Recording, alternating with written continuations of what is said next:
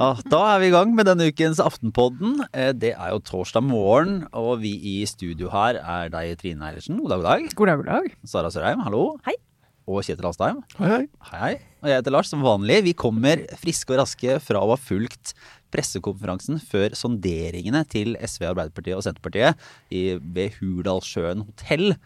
Eh, og vi, vi, må, vi lever i dette øyeblikket lite grann. For nå er det jo, det er jo starten potensielt på Norges politiske fremtid, det vi så eh, da de ankom i et stykke politisk teater i dag, må man si. Det føles jo litt som Norges politiske fortid også, hvis jeg skal være helt ærlig. Men, men, men ja, den var jo mye halloi. Og uh, gøy å lese litt ut av både kroppsspråk og kleds, klesdrakt. Ja. uh, og oppførsel da, på disse, eh, dette første møtet med det som kanskje da blir liksom, de tre founding fathers uh, av den nye regjeringen. uh, som var i godt humør, får vi i hvert fall si. Vi kan jo bare advare om at vi har jo åpenbart overtenning for dette. dette her. Men det er nå det vi Og, og det jeg har ikke sett det. Jeg har ikke sett det, for jeg var jo et annet sted i morges. Men jeg er jo veldig spent. Var det, gikk noen i bunad? Nei, Gikk, du gikk jo helt glipp av antrekkene. Vi hadde jo Trygve Slagsvold. Vedum i en eh, ja, turjakke. Litt sånn allværsjakkestil. Altså En slags bunad, kan vi nesten si. Altså Den mest folkelige utgaven av bunad. Altså hverdagsbunaden til folk og fe uh, ute i, uh, i hele Norge, som vi er glad i, som heter Distrikts-Norge, da, den delen av Norge, er jo allværsjakken. Allværsjakken er jo universalplagget og kan vi kanskje si hverdagsbunad, eller trekker jeg det for langt nå? Nei. Jeg vil si, altså, det, det, var en, eh, det, det var jo åpenbart en, eh, en viss sånn politisk statement. Eller om, om ikke det var en politisk statement, så så man på en måte tydelig de, de ulike partiene i hvordan de stilte seg opp. da, Fordi Vedum da i en, eh, en fritidsjakke, Allværsjakke. eh, allværsjakke, Ja. eh, mens eh, Lysbakken hadde litt sånn Han annen look. En sånn dobbeltspent frakk. Så ut som han skulle ha en sånn høstweekend i, i Berlin, eller noe sånt. der. egentlig. Så der, ja, Så der var det, det var ikke så mye sånn raddis. det signalet skjønte, skjønner jeg ingenting av. Nei, men Støre, øh, det her er litt sånn der, her skal du være på sånn finstemt på å liksom forstå kulturelle koder, men, øh, men øh, Støre har nemlig på seg det som er klassisk vestkantuniform. Avslappa vestkant, som er Du har en lett turjakke, men det er ikke en allværsjakke. Det er mye mer elegant, sånn mørkeblå, marineaktig, sånn, men med et sånt stoff som avviser regn og vind. Ja, men det er vindtett, da. Det er vindtett. Men Ja. under der en genser med V-hals, men viktigst, helt innerst mot kroppen, en hvit skjorte. Og den der vestkantvarianten som er at du kan være i fritidsklær, men med skjorte. Det er helt distinkt ris. Litt sånn Viken, Viken-antrekk, på en måte. Ja, avslappet weekend. Eh, Du er klar for alt. Du kan eh, gå på Bristol, eh, men du kan også gå en tur ut i marka.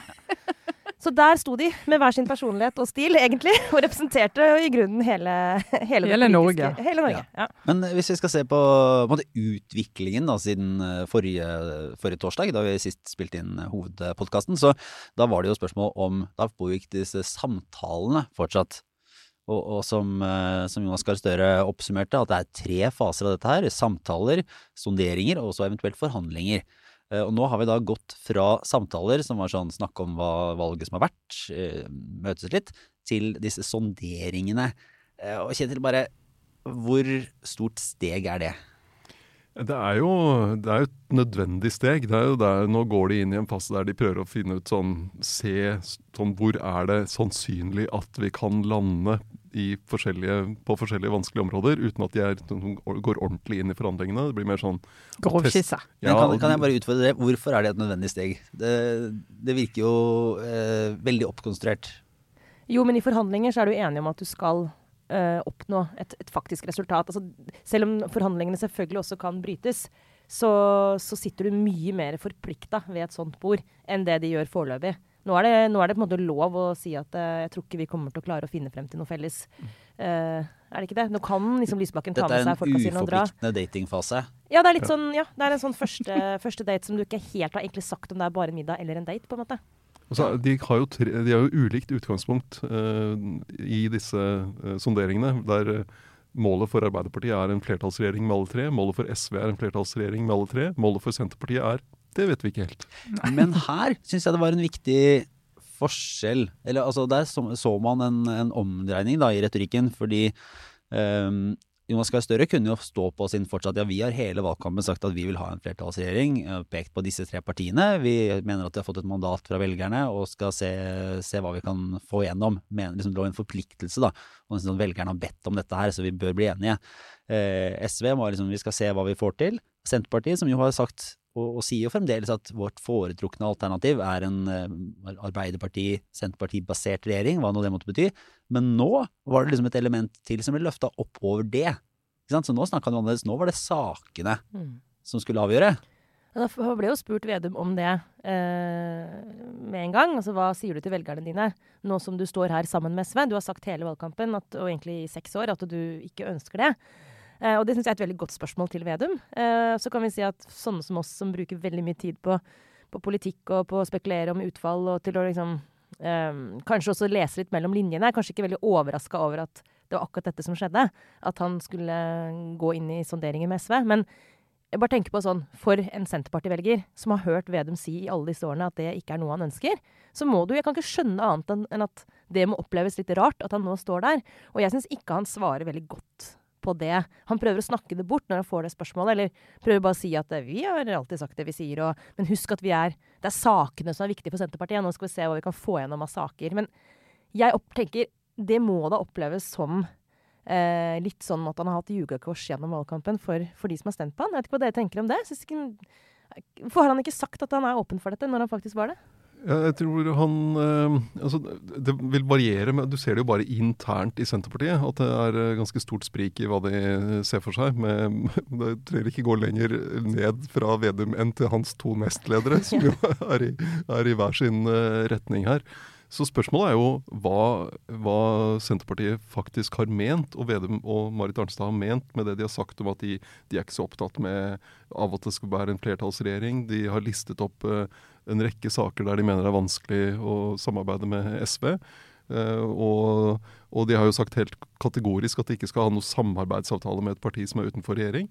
Så de har en del ord som de må spise i seg hvis de da velger å gå inn enten i regjering med SV, eller lage en samarbeidsavtale med SV.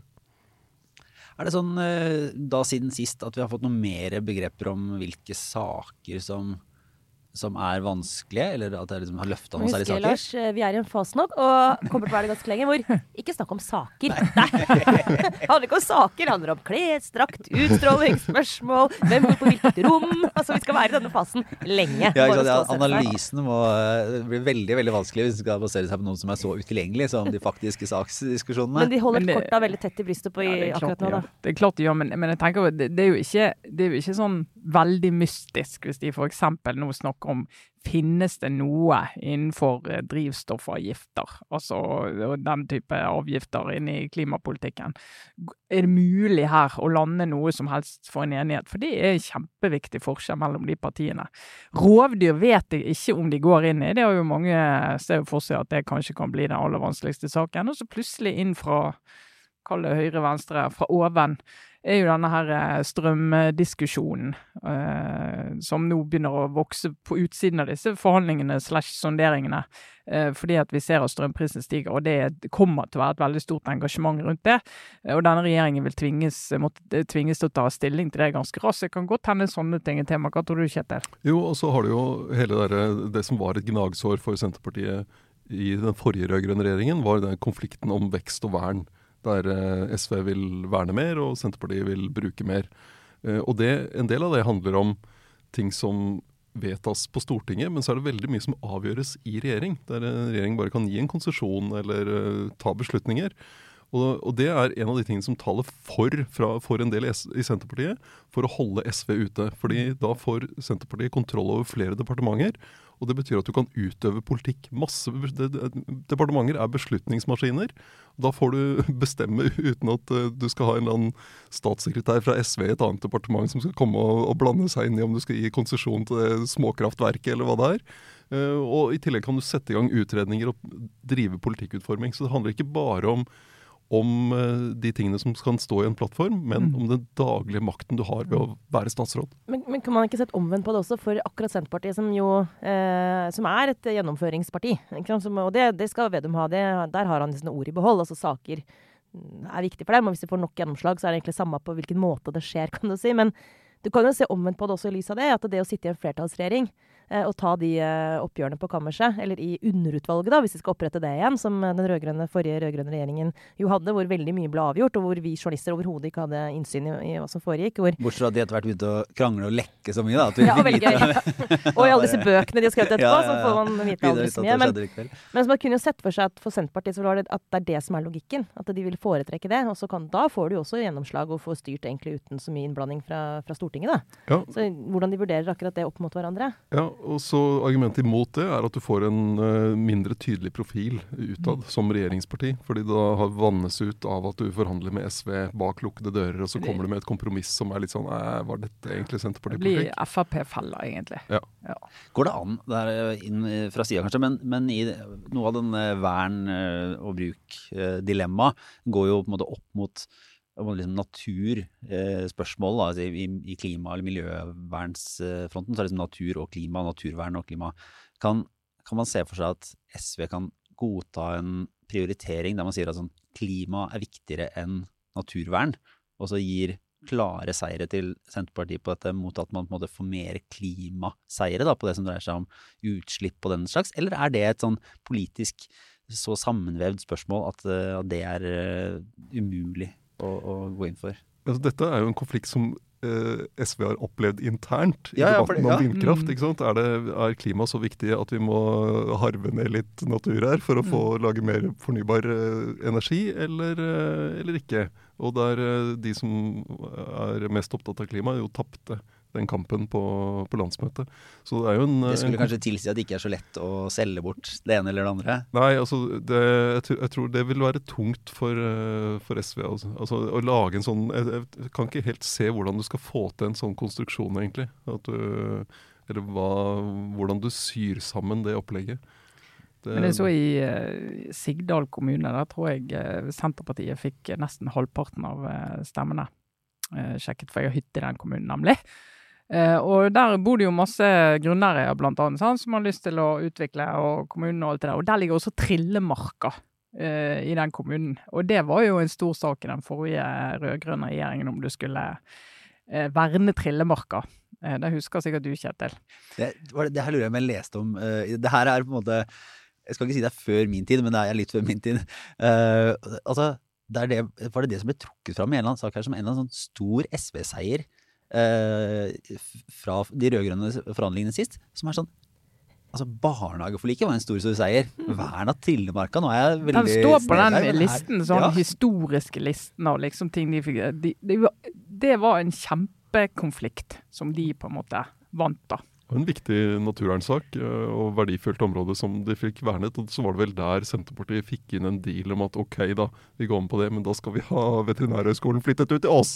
Ja, så, ja, men det er veldig sånn god illustrasjon på, på uenigheten mellom de to partiene. Da, og hvordan den eh, henger igjen fremdeles som en sånn eh, bevis på at Altså en av de tingene som Senterpartiet i et sånt samarbeid må leve med, at de tapte. Og som disse Senterparti-velgerne da i Sigdal, så forventer nå mye fra dette partiet i regjering.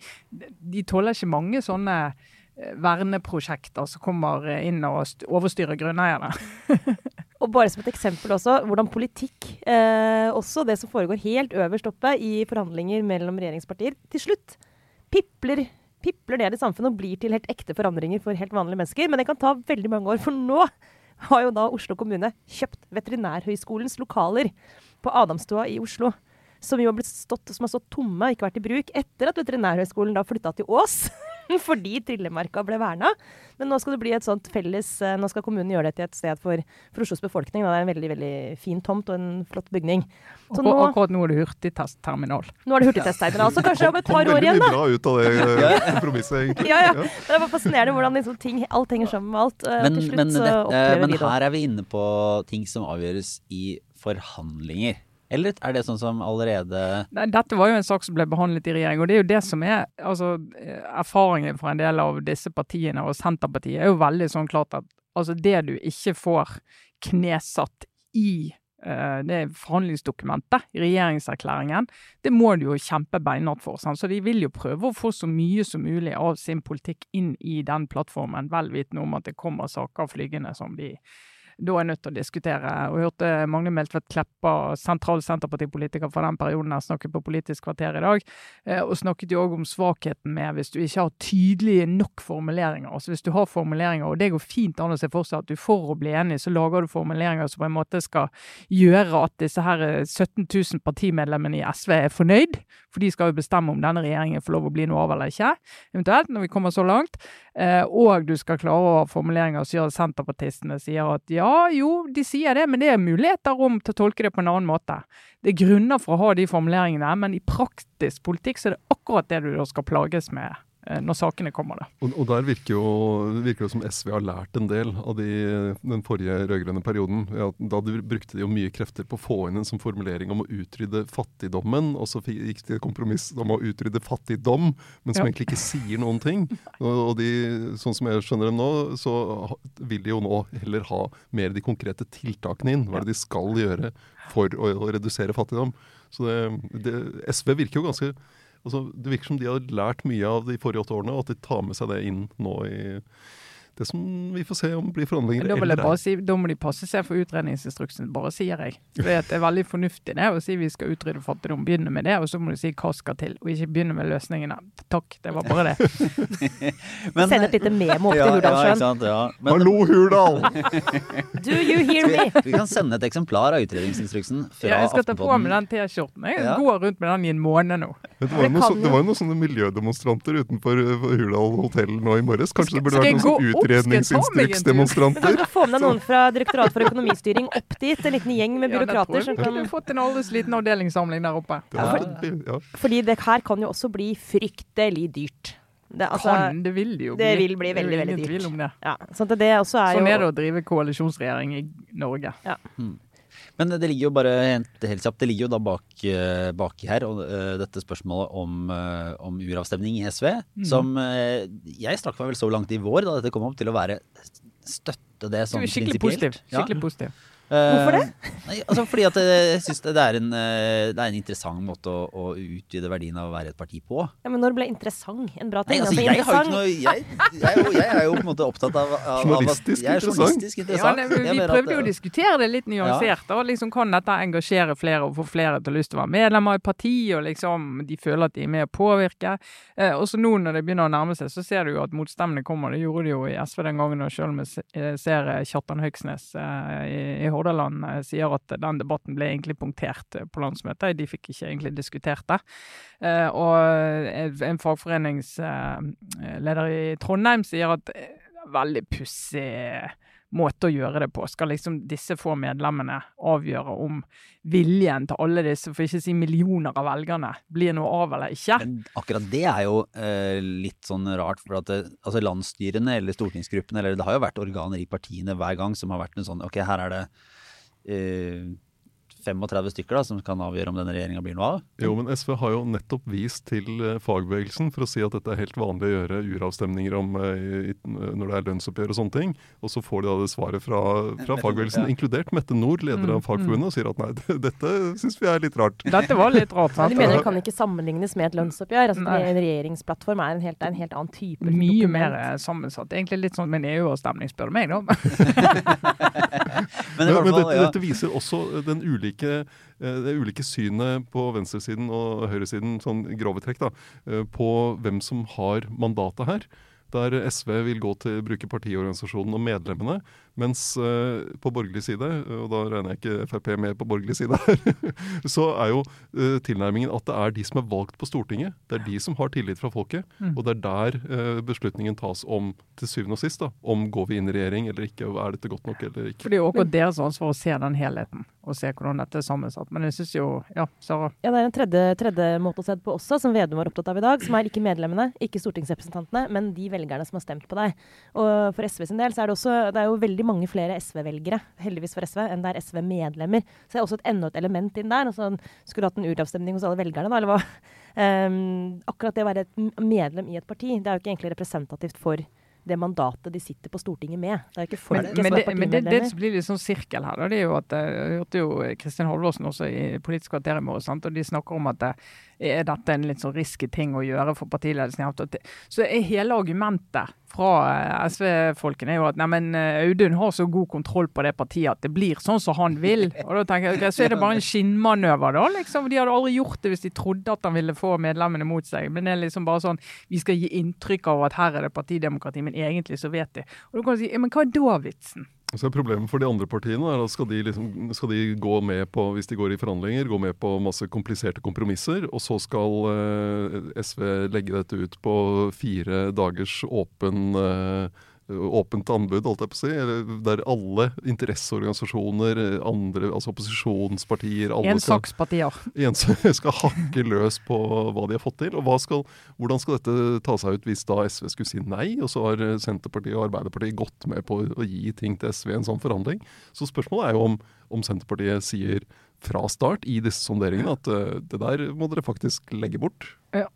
Om de kan. Det kommer til å bli mange nye medlemmer i SV de, eh, den tida der, i hvert fall. Det er lov. Altså, er journalister kan melde seg inn. Det, det er for sent, ja. Mm. Husker dere når det var i, i du Labour? Nei, Da vil du jo få masse høyrefolk som melder seg inn i SV bare for å sabotere Ja, regjeringserklæringen. det kunne noen også vært. Jeg tenkte mer på at journalister som altså, vil eh, Melde seg inn for å melde seg inn få for å få dokumentene litt tidligere enn du kanskje ellers ville fått. Men, de må, ja, ja. Det kommer vi jo tilbake til. Du er i hvert fall åpen med dine shady arbeidsmetoder, Lars. Ja, det, ja, det det, men det er, det er jo ikke shady. Nei, det, det er demokratiet. Sitt dansegulv. Ja, ikke sant. Få innsyn i det som skjer i prosesser. Jeg vet kanskje det er litt shady. Nei, i gamle dager var det mange økonomijournalister som hadde én aksje i et eller annet selskap for å få liksom generalforsamlingsdokumentasjon. Ja, men det er jo ikke lov nå i Skipsted f.eks. Nei, ikke for å eie en aksje for å tjene penger på den. Det er ikke lov. Nei. Ja, det får vi ta i, i, i presseetiske diskusjoner etter hvert. Eh, Nå var det for seint uansett, så da, da får, jo, får jo det være. Vi får eh, gå litt videre til et eh, annet parti. For eh, altså, siden sist Vi hadde jo riktignok en ekstrapodkast på, på søndag etter at eh, Kjell Ingolf Ropstad ga seg som, som statsråd og partileder. Men vi må bare svinge innom KrF et lite øyeblikk til, for eh, de har det jo ikke lett. Nei. Nei. De er jo nå i ferd med å tenke ut hvordan i all verden de skal gå videre. Uh, om det blir en slags lederstrid eller ikke, er jo veldig åpent. Og, også i den forstand at om det er noen som kommer til å kjempe om den leder, eh, det ledervervet eller ikke. Jo, men ja, det kan fort vekk bli Jeg vet ikke de, om det blir strid. Altså, de er liksom ikke så konfliktorienterte, kanskje, men det er jo Ikke, åpent. altså, er det, der har det jo Det har jo vist seg at de, Og de, var, de er akkurat like konfliktorienterte som alle andre. Men, men, men litt av kulturen i partiet har jo tradisjonelt vært, og det var jo derfor det gikk egentlig så galt den høsten 2018. Eh, kulturen har jo vært å, å feie ting under teppet. De har jo like engasjert som alle andre, men det har vært litt sånn kultur for å feie ting under teppet og liksom holde lokk på de vanskeligste diskusjonene. Hvis ikke ville du liksom få en sånn splittelse, da. Eh, mens nå, altså i hvert fall sånn som bildet ser ut nå, sammenlignet med for en uke siden, så har jo hun eh, eh, The Dark Horse, Ida Lindtvedt Røse, sagt at hun er ikke aktuell. Det er jo altså, det Her er det vanskelig i sånn politisk spill, da, fordi det er jo ofte det man sier hvis man er litt interessert. Men det er også det man sier hvis man ikke er interessert. Ja, ja, ja. Så det er en ganske sånn safe ting å si, men hun liksom sier at det er ikke riktig. Og så har du eh, Dag Inge Ulstein sitter på Stortinget, Ole Bollestad sitter på Stortinget. Så alle tidlige partiledere som går inn og sier at det må bli en som sitter på Stortinget, for det mener jo de veldig sterkt om. Sånn at akkurat nå så ser det ut som det står mellom de to, og så har KrFU sagt at de vil ha Dag Inge Ulstein, for han vil fenge mange unge kristne right. velgere. Er Men det ja. kan jo bli en, da en strid mellom Altså, Jeg vet ikke om vi skal si at vi liksom håper på det, men kan vi si sånn, det kan være interessant hvis det blir en uh, åpen kamp da, Men mellom Bollestad og Ulstein. her? Det lurer jeg på. Hva blir prosessen her? Nå skal de ha et eller annet sånn De har landsstyremøte i, I morgen. Det, det er der eh, Ropstad faktisk går av som leder, og så Bollestad overtar som fungerende. Ja. Og så må de jo finne ut av eh, et ekstraordinært landsmøte, for de skal egentlig ikke ha landsmøte neste år. Så det, er- jeg tror de har en landskonferanse i, på starten av neste år, på nyåret, som de eventuelt kan gjøre om til et ekstraordinært landsmøte. Og velge en ny leder. Ja, og velge en ny leder. Ja, og det er klart at det er fordel for Bollestad å fungere i den perioden, for da ville hun være liksom den som er i alle debattene og representerer partiet. Så på landsstyremøtet så gir det vel da et oppdrag til valgkomiteen Mm. om eh, nå må dere sette i gang, for vi trenger faktisk en, velge en permanent leder igjen. Ka, altså, ka, det her, vi har jo vært en stor tilhenger av, eh, av Bollestads i hvert fall tidlige eh, sosiale medier-karriere. Og så har kanskje profileringen av hjemmelivet eh, og denne eh, bar overkropp-mannen blitt liksom dominerende i det offentlige bildet av henne. Er, er det et, eh, en fordel eller en ulempe hvis man skal være partileder? Altså, du bør ikke ha flere Instagram-følgere enn velgere, tror jeg. Det har hun. Ja. Det, altså, Betydelig. Ja, men, altså, ja, men ja, der er det jo mulig å hvis, altså, åpent spørsmål. Ja, Er det, er det, hvordan skal man vekte dette her? Altså, hva er mest Altså, jeg ville jo heller hatt Nei, det kan du se, ja, Jeg ville jo ha flest mulig eh, velgere, først og fremst. Men det er jo et bedre utgangspunkt å ha veldig mange som hører hva du sier. Men eh, Men, men problemet til KrF er jo liksom, uansett hvem de velger. For si Bollestad, hun tror jeg faktisk eh, hun har bygget seg en profil. Hun er blitt, hvis du tenker på det amerikanske name recognition, da, så er hun en av de absolutt mest profilerte politikerne i KrF. Hun er både statsråd og har den Instagram-kontoen og liksom oppleves som veldig sånn folkelig, og mange andre som aldri ville stemt på KrF, har liksom en varme for henne. Eh, men det er bare det, for KrF så hadde en også en veldig populær eh, partileder før Ropstad eh, i Knut Arild Hareide. Det hjelper ikke på eh, evnen til å tiltrekke seg velgere. Så uansett hvem de velger, så er det det politiske prosjektet som er, er og blir det vanskelige og det krevende. Så den lederdebatten i, i KrF er selvfølgelig spennende, men det aller, aller viktigste er jo den politiske diskusjonen, mer enn i andre partier. Og den, den diskusjonen handler ikke om sidevalg nå. Nei. Det handler om hva er, det, hva er poenget med KrF? Hva er, poeng, hva er KrF som misjon? Kan jeg, Ja, så jeg kan velge ja, det, bruke ja, det ordet her. ja. I, I 2021 og i da, 2025, for så vidt. Som var, som var den debatten de burde tatt høsten 2018, i stedet for å ta den diskusjonen om sidevalg. De var ikke klar for, klare for å ta, ta et sidevalg, fordi de hadde ikke en prioritering for hva som var viktigst for partiet. Vi skulle brukt utredningsinstruksen, på en Ja, måte. Ja. rett og slett. Ja, Ja. ja, Det, det, det, det, er det folk må. Det er det folk må. det spørs om det blir noe lettere. Ja, ja men eh, vi går inn i en runde med obligatorisk refleksjon, tenker jeg. Eh, kanskje du har lyst til å begynne, Sara? ja, kan vi snakke litt om Boris? Gjerne. Bojo? Det er lenge, det er lenge siden. Lenge siden. Ja. Ja, altså, jeg føler at det er veldig dårlig samvittighet egentlig overfor liksom, hele Storbritannia. Altså, er ikke du egentlig vår Storbritannia-korrespondent? Jo, i permisjon, rett og slett. Det har vært for mye andre ting å være opptatt av. Så hele, liksom, jeg følte at de meldte seg også ut av mitt synsfelt. Liksom hele brexit. Og så var det bare sånn OK, forsvinn, bli et svart hull. I fem med å gå tom for mat der borte, så jeg. Ja, men da er det Ja, liksom Fordi, blant annet fordi de mangler CO2, har du fått med deg? Ja, det, altså, hvem hadde trodd at det er et problem? Så det er mye vi må vurdere og liksom ta opp Må jeg dette. forklare det? Forresten. Ja, ja, det, gjerne, det. gjerne, hvis du har muligheten. Du har, eh, du har da en, eh, en fabrikk som lager kunstgjødsel. Eh, Da bruker du naturgass. Og så får du CO2 som et biprodukt, som de selger til næringsmiddelindustrien. Sånn at de putter CO2 inn i den der plastpakka med ferdigvasket salat og sånn. Sånn at den salaten skal holde seg lenger.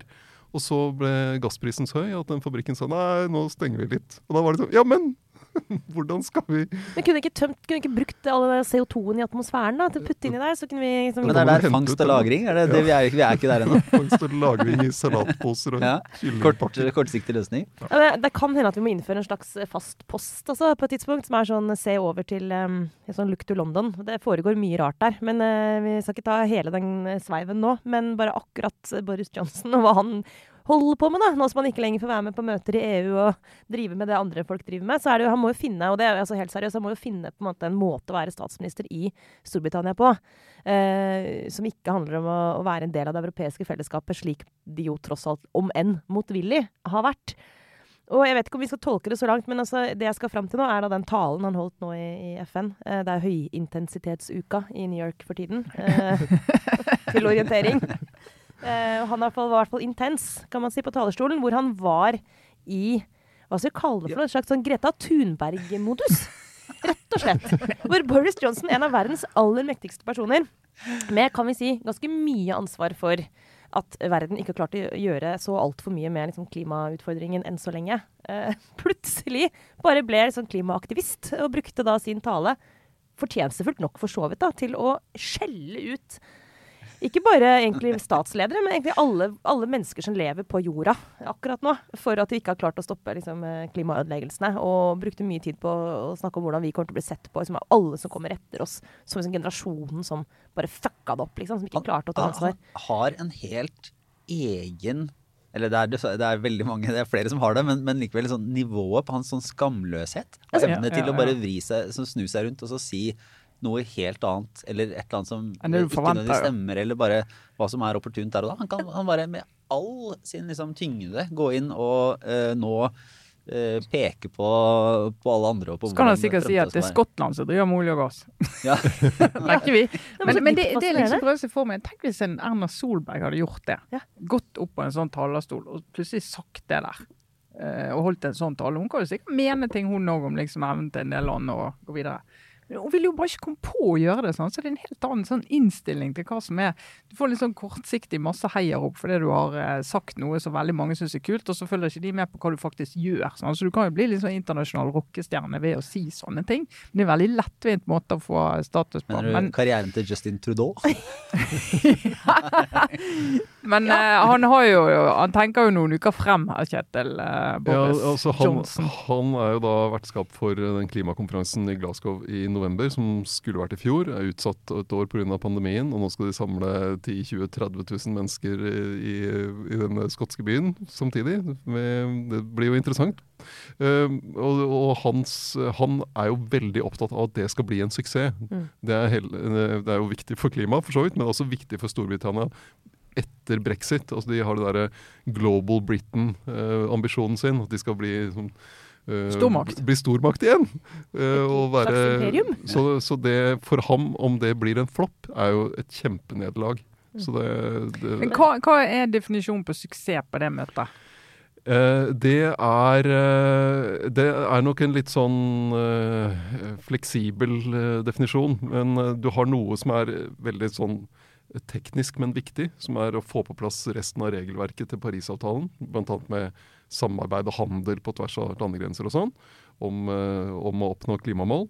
Eh, og så har du eh, det at Altså For et år siden så skulle alle landene kommet med skjerpede ambisjoner for å få verden på rett kurs med tanke på Paris-målene. altså Godt under to grader, helst 1,5 grad.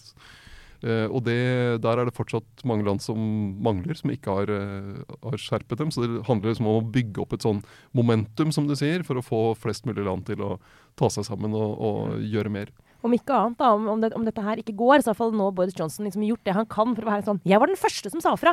Liksom, som er en helt sånn absurd rolle. Altså, han har vært politiker i hele sitt voksne liv. Han har hatt uendelig mange muligheter til å liksom, si fra. Trykk på den jævla unnskyld uttrykket røde knappen, du kom igjen, liksom.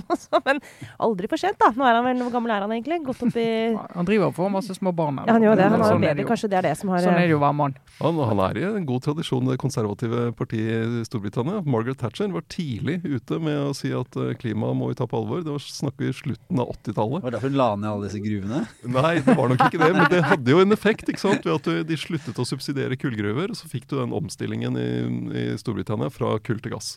Så det, Og for å runde av dette punktet kan vi si at ja, det er litt, altså det er rett og slett nesten helt sånn sjokkerende frekt av Boris Johnson å plutselig liksom være sånn bestefaren til Greta Thunberg eh, og stå der og skulle redde verden. Men det er klart, det er jo bedre at han gjør det enn- at han ikke gjør det. Uh. Eh, ja, så vi får, for se. Vi kan si at vi er sånn avventende positive til uh, den nye liksom Extinction. Rebellion-utgaven av um, Boris Johnson. Se hva han får til. Åssen er det med deg, Trine? Har du en obligatorisk refleksjon til oss denne uken? Ja, jeg har en anbefaling, og nå, nå skal vi virkelig ut et helt annet sted. Et helt annet sted. Har du begynt å lese fantasy eller magisk Nei, realisme? å nei, herregud, da må du, da må du skyte meg. Nei da, nei da. Men eh, vi er også Jeg vil anbefale alle å se dokumentaren om Bee Gees. Som Hvor gammel er du, liksom? Nei, men altså, nei, nettopp det. For det er så mye jeg ikke har fått med meg. Den ligger på NRK. Eh, Jeg fikk den anbefalt i sommer, og så tenkte jeg er jeg interessert i Bee Gees. Nei, jeg er jo egentlig, egentlig ikke eh, så For er veldig interessert sånn interessert i Bee Gees. For det er veldig sånn gamlis-band, er det ikke det? Jo da. Og så eh, Bee Gees, sant. Eh, Saturday Night Fever, det disco-bølgen. Det er liksom alt det der virkelig sånn kongene av disko. Og så har jeg liksom lagd mye musikk for andre underveis og sånn. Men det er ikke noen jeg har hatt et veldig tett forhold til. Det må jeg bare si.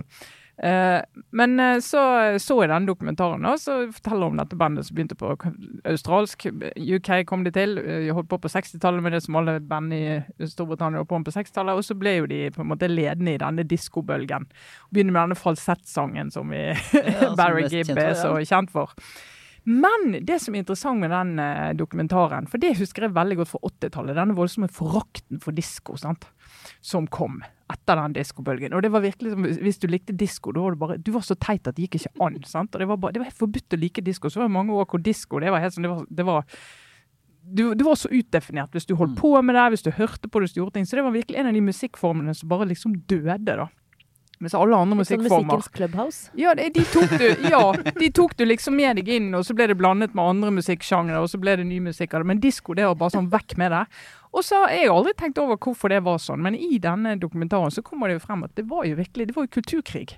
På 70-tallet. Hvor virkelig noen sånne her, eh, ute i disse lokalradioene og veldig konservative miljøene egentlig i USA begynte å se at disko det var jo egentlig uttrykket for eh, homofile, svarte, fra liksom undergrunnsklubbene i New York. Det var liksom deres kultur som plutselig kom opp og ble allemannseie. Du fikk en sånn diskusjon. Hva er det moralske inni dette her? Eh, hva er etikken i dette? Dette eh, ødelegger ungdommene våre. De blir liksom veldig Veldig frigjorte og begynner å bli utagerende og seksuelle og alt mulig. Holder på med alle mulige kjønn og kler seg i veldig sånn eh, glamorøse glitter. Og, og maskuliniteten ble liksom truet. Og så du fikk altså en sånn motstand mot disko som handlet om alt annet enn musikk, men det handlet om det var kulturkrig, rett og slett. Og måten disse ble tatt på, da Bee Gees var jo representant for det, hvordan karrieren bare ble skrudd av. Og de, bare, og de så, sto så på og tenkte hva skjedde nå? Og det var jo konservative rett og slett krefter i USA som bare drepte disko. Og alle vi andre rundt i verden, vi bare liksom Fullstendig, ja, Ja, ja, disko er teit. Men vi skjønte liksom ikke hvorfor det var teit, da. Og så ble vi liksom på en måte litt sånn hjernevasket inn i det der hvor utrolig teit det var. Og så kom det jo heldigvis disko tilbake, for disko er jo sykt gøy. Altså, Du får jo alle ut på gulvet. Det er gøy med disko. Men det var altså så interessant hvordan de måtte redefinere hele sin karriere. fordi at nei, det, det her er elleville, frivolt, umoralsk, eh, seksuelt, homofilt, eh, svart. Alt det vi ikke liker. Det her var faktisk ganske bra innsalg. Det, var, Ja. det tok seg Hvor, hvor var det du fant den sånn? Denne ligger på NRK sin spiller. Ja. Dokumentaren om Bee Gees. Litt uh, seig i starten, men det tar seg opp, og du bare sitter og gaper og tenker Staying Alive. Jeg, jeg har litt annen musikk å anbefale enn uh, disko. Kan jeg bare Ja, kan- ja, jeg ha fin overgang her? Fordi er noe av det som jeg har hatt rundt da, i valgkampen Jeg var liksom, satt og skrev i bussen til Erna og på vei med Trygve på, i Møre og Romsdal og opp til Trøndelag med Moxnes og Tromsø med Støre og sånn. Det var eh, Metallica.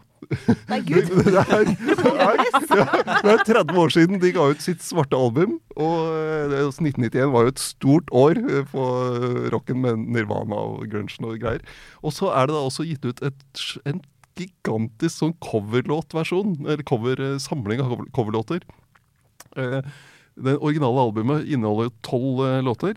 Og så er det da coverversjonen, coveralbumet, eller pakka, der er det vel 53, tror jeg. Så du har f.eks. tolv versjoner av 'Nothing Else Matters'. Herregud.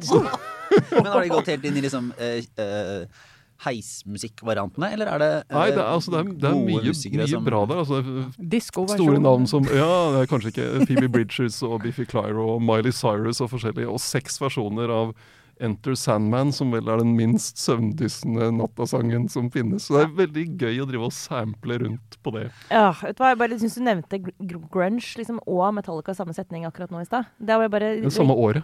Ja, for at det, Nirvana kom med Nevermind. Ja, det er liksom uh, litt sånn undervurdert hvor, hvor stor grad det er liksom Beatles og Stones-konflikten, eller, eller Oasis og Blur. Nå For skal her ikke, går inn i kulturkonflikten. ja, men altså bare, bare understreke at for en, som var, for en som hørte mye på Pearl Jam og Nirvana, sånn, så Metallica var liksom the worst. Uh, Jeg det jeg hadde forferdelig. billetter til Nirvana.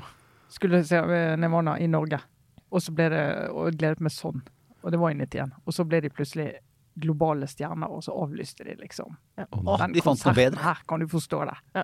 Jeg Det er kan aldri tilgi dem. Aldri tilgi dem. Men jeg skal tilgi deg for å ha nevnt Metallica Ja, høyt. Men det var virkelig, ja, men det, var- det er jo så vidt. Ja, jeg får runde av, men eh, det her er en eh, mer en sånn historie fra virkeligheten. Eh, Fordi jeg Eller, eller ny sånn eh, hva skal jeg si, bekjennelser, da, fra, fra, fra Gøy livet ditt. gøy livet mitt. Fordi eh, her kommer det i, i vinter, altså i fjor jul, så fikk jeg meg en PlayStation-konsoll. Dette er veldig trist, Og eh, fordi jeg har alltid tenkt at jeg har ikke selvdisiplin, og jeg har lyst til å gjøre andre ting enn å bli sittende med det, fordi jeg syns det er så gøy, da. Eh, men nå er, er det så travelt at nå har, måte, nå har livet begrensa muligheten min til at det skal gli ut uansett. Men nå driver jeg da og spiller den gode gamle klassikeren, egentlig altså Fifa-spillene, fotballspill, som jeg begynte sånn i min ungdom. Spilte sånn Fifa 97, og så har jeg da hatt en pause da på 25 år, eller hva det blir. og spiller eh, da Fifa 21, og denne neste uka så kommer den neste utgaven. Eh, og nå har jeg tatt skritt ut og begynt å spille online med fremmede folk i hele verden.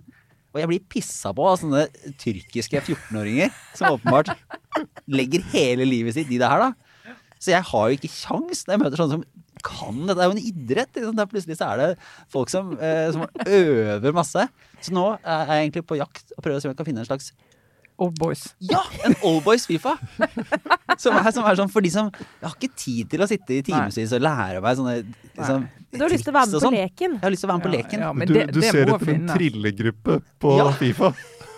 Ja. Jeg kan virkelig kjenne meg igjen. Altså, det er altså helt umulig. Ungene mine spiller jo da eh, online eh, Roblox, for eksempel, som alle disse kidsa driver med. Som jo er egentlig ganske gøy. Altså, det er morsomt å, være i verden sammen med de andre. og de møter jo liksom eh, klassevenner og sånn. sant? Og Der er de, og så sitter de og spiller de sammen. Men så noen ganger så, de er så små at de, liksom, de hater meg ikke ennå, så jeg får noen ganger lov til å være med. Men det er jo ikke noe gøy, så jeg blir drept på liksom Det tar to sekunder. Eh, det er maks overlevelsestid for meg i de spillene er to sekunder. Jeg blir bare skutt, rett og slett. Rett ned med en gang av et barn. Som er sinnssykt god til å spille. Altså, jeg også, Lars, er liksom på jakt etter sånn Finnes det en sånn Det høres så shady ut. Sånn voksen-Roblox. Adult. Adult. I don't wanna go there. Men, Du eh, kan ikke google det, i hvert fall. Nei. Jeg har funnet noe for, for de av oss som egentlig ikke er så gode, da. Så jeg vet ikke helt hva løsningen er på det her, men, eh, men vi får nå se. Ja, uansett så er vi tilbake neste uke. Eh, Da får vi se om eh, sonderingene har gått over i forhandlinger. Det er vel uh... Det må vi nesten regne med, tenker jeg. ja. de prøver å bli ferdig til lørdag, kan jeg, kan jeg fortelle. Det virker sånn, for da er det den store stortingsmiddagen eh, som er en gang i året. Hvor alle stortingsrepresentantene skal på festmiddag, og det har de tenkt å rekke, eh, etter hva jeg forstår. Ja, nettopp. Ja, men Det høres ut som en sånn veldig hverdagslig betraktning for å, for å ha som mål. Sånn, jeg vil gjerne bli ferdig med det arbeidet. Skal til byen på fest. Ja. Men det er en god unnskyldning som, eh, som noen. Så uh, da sier vi takk for denne gang, og så er vi tilbake neste uke med Aftenpodden. Ha det bra.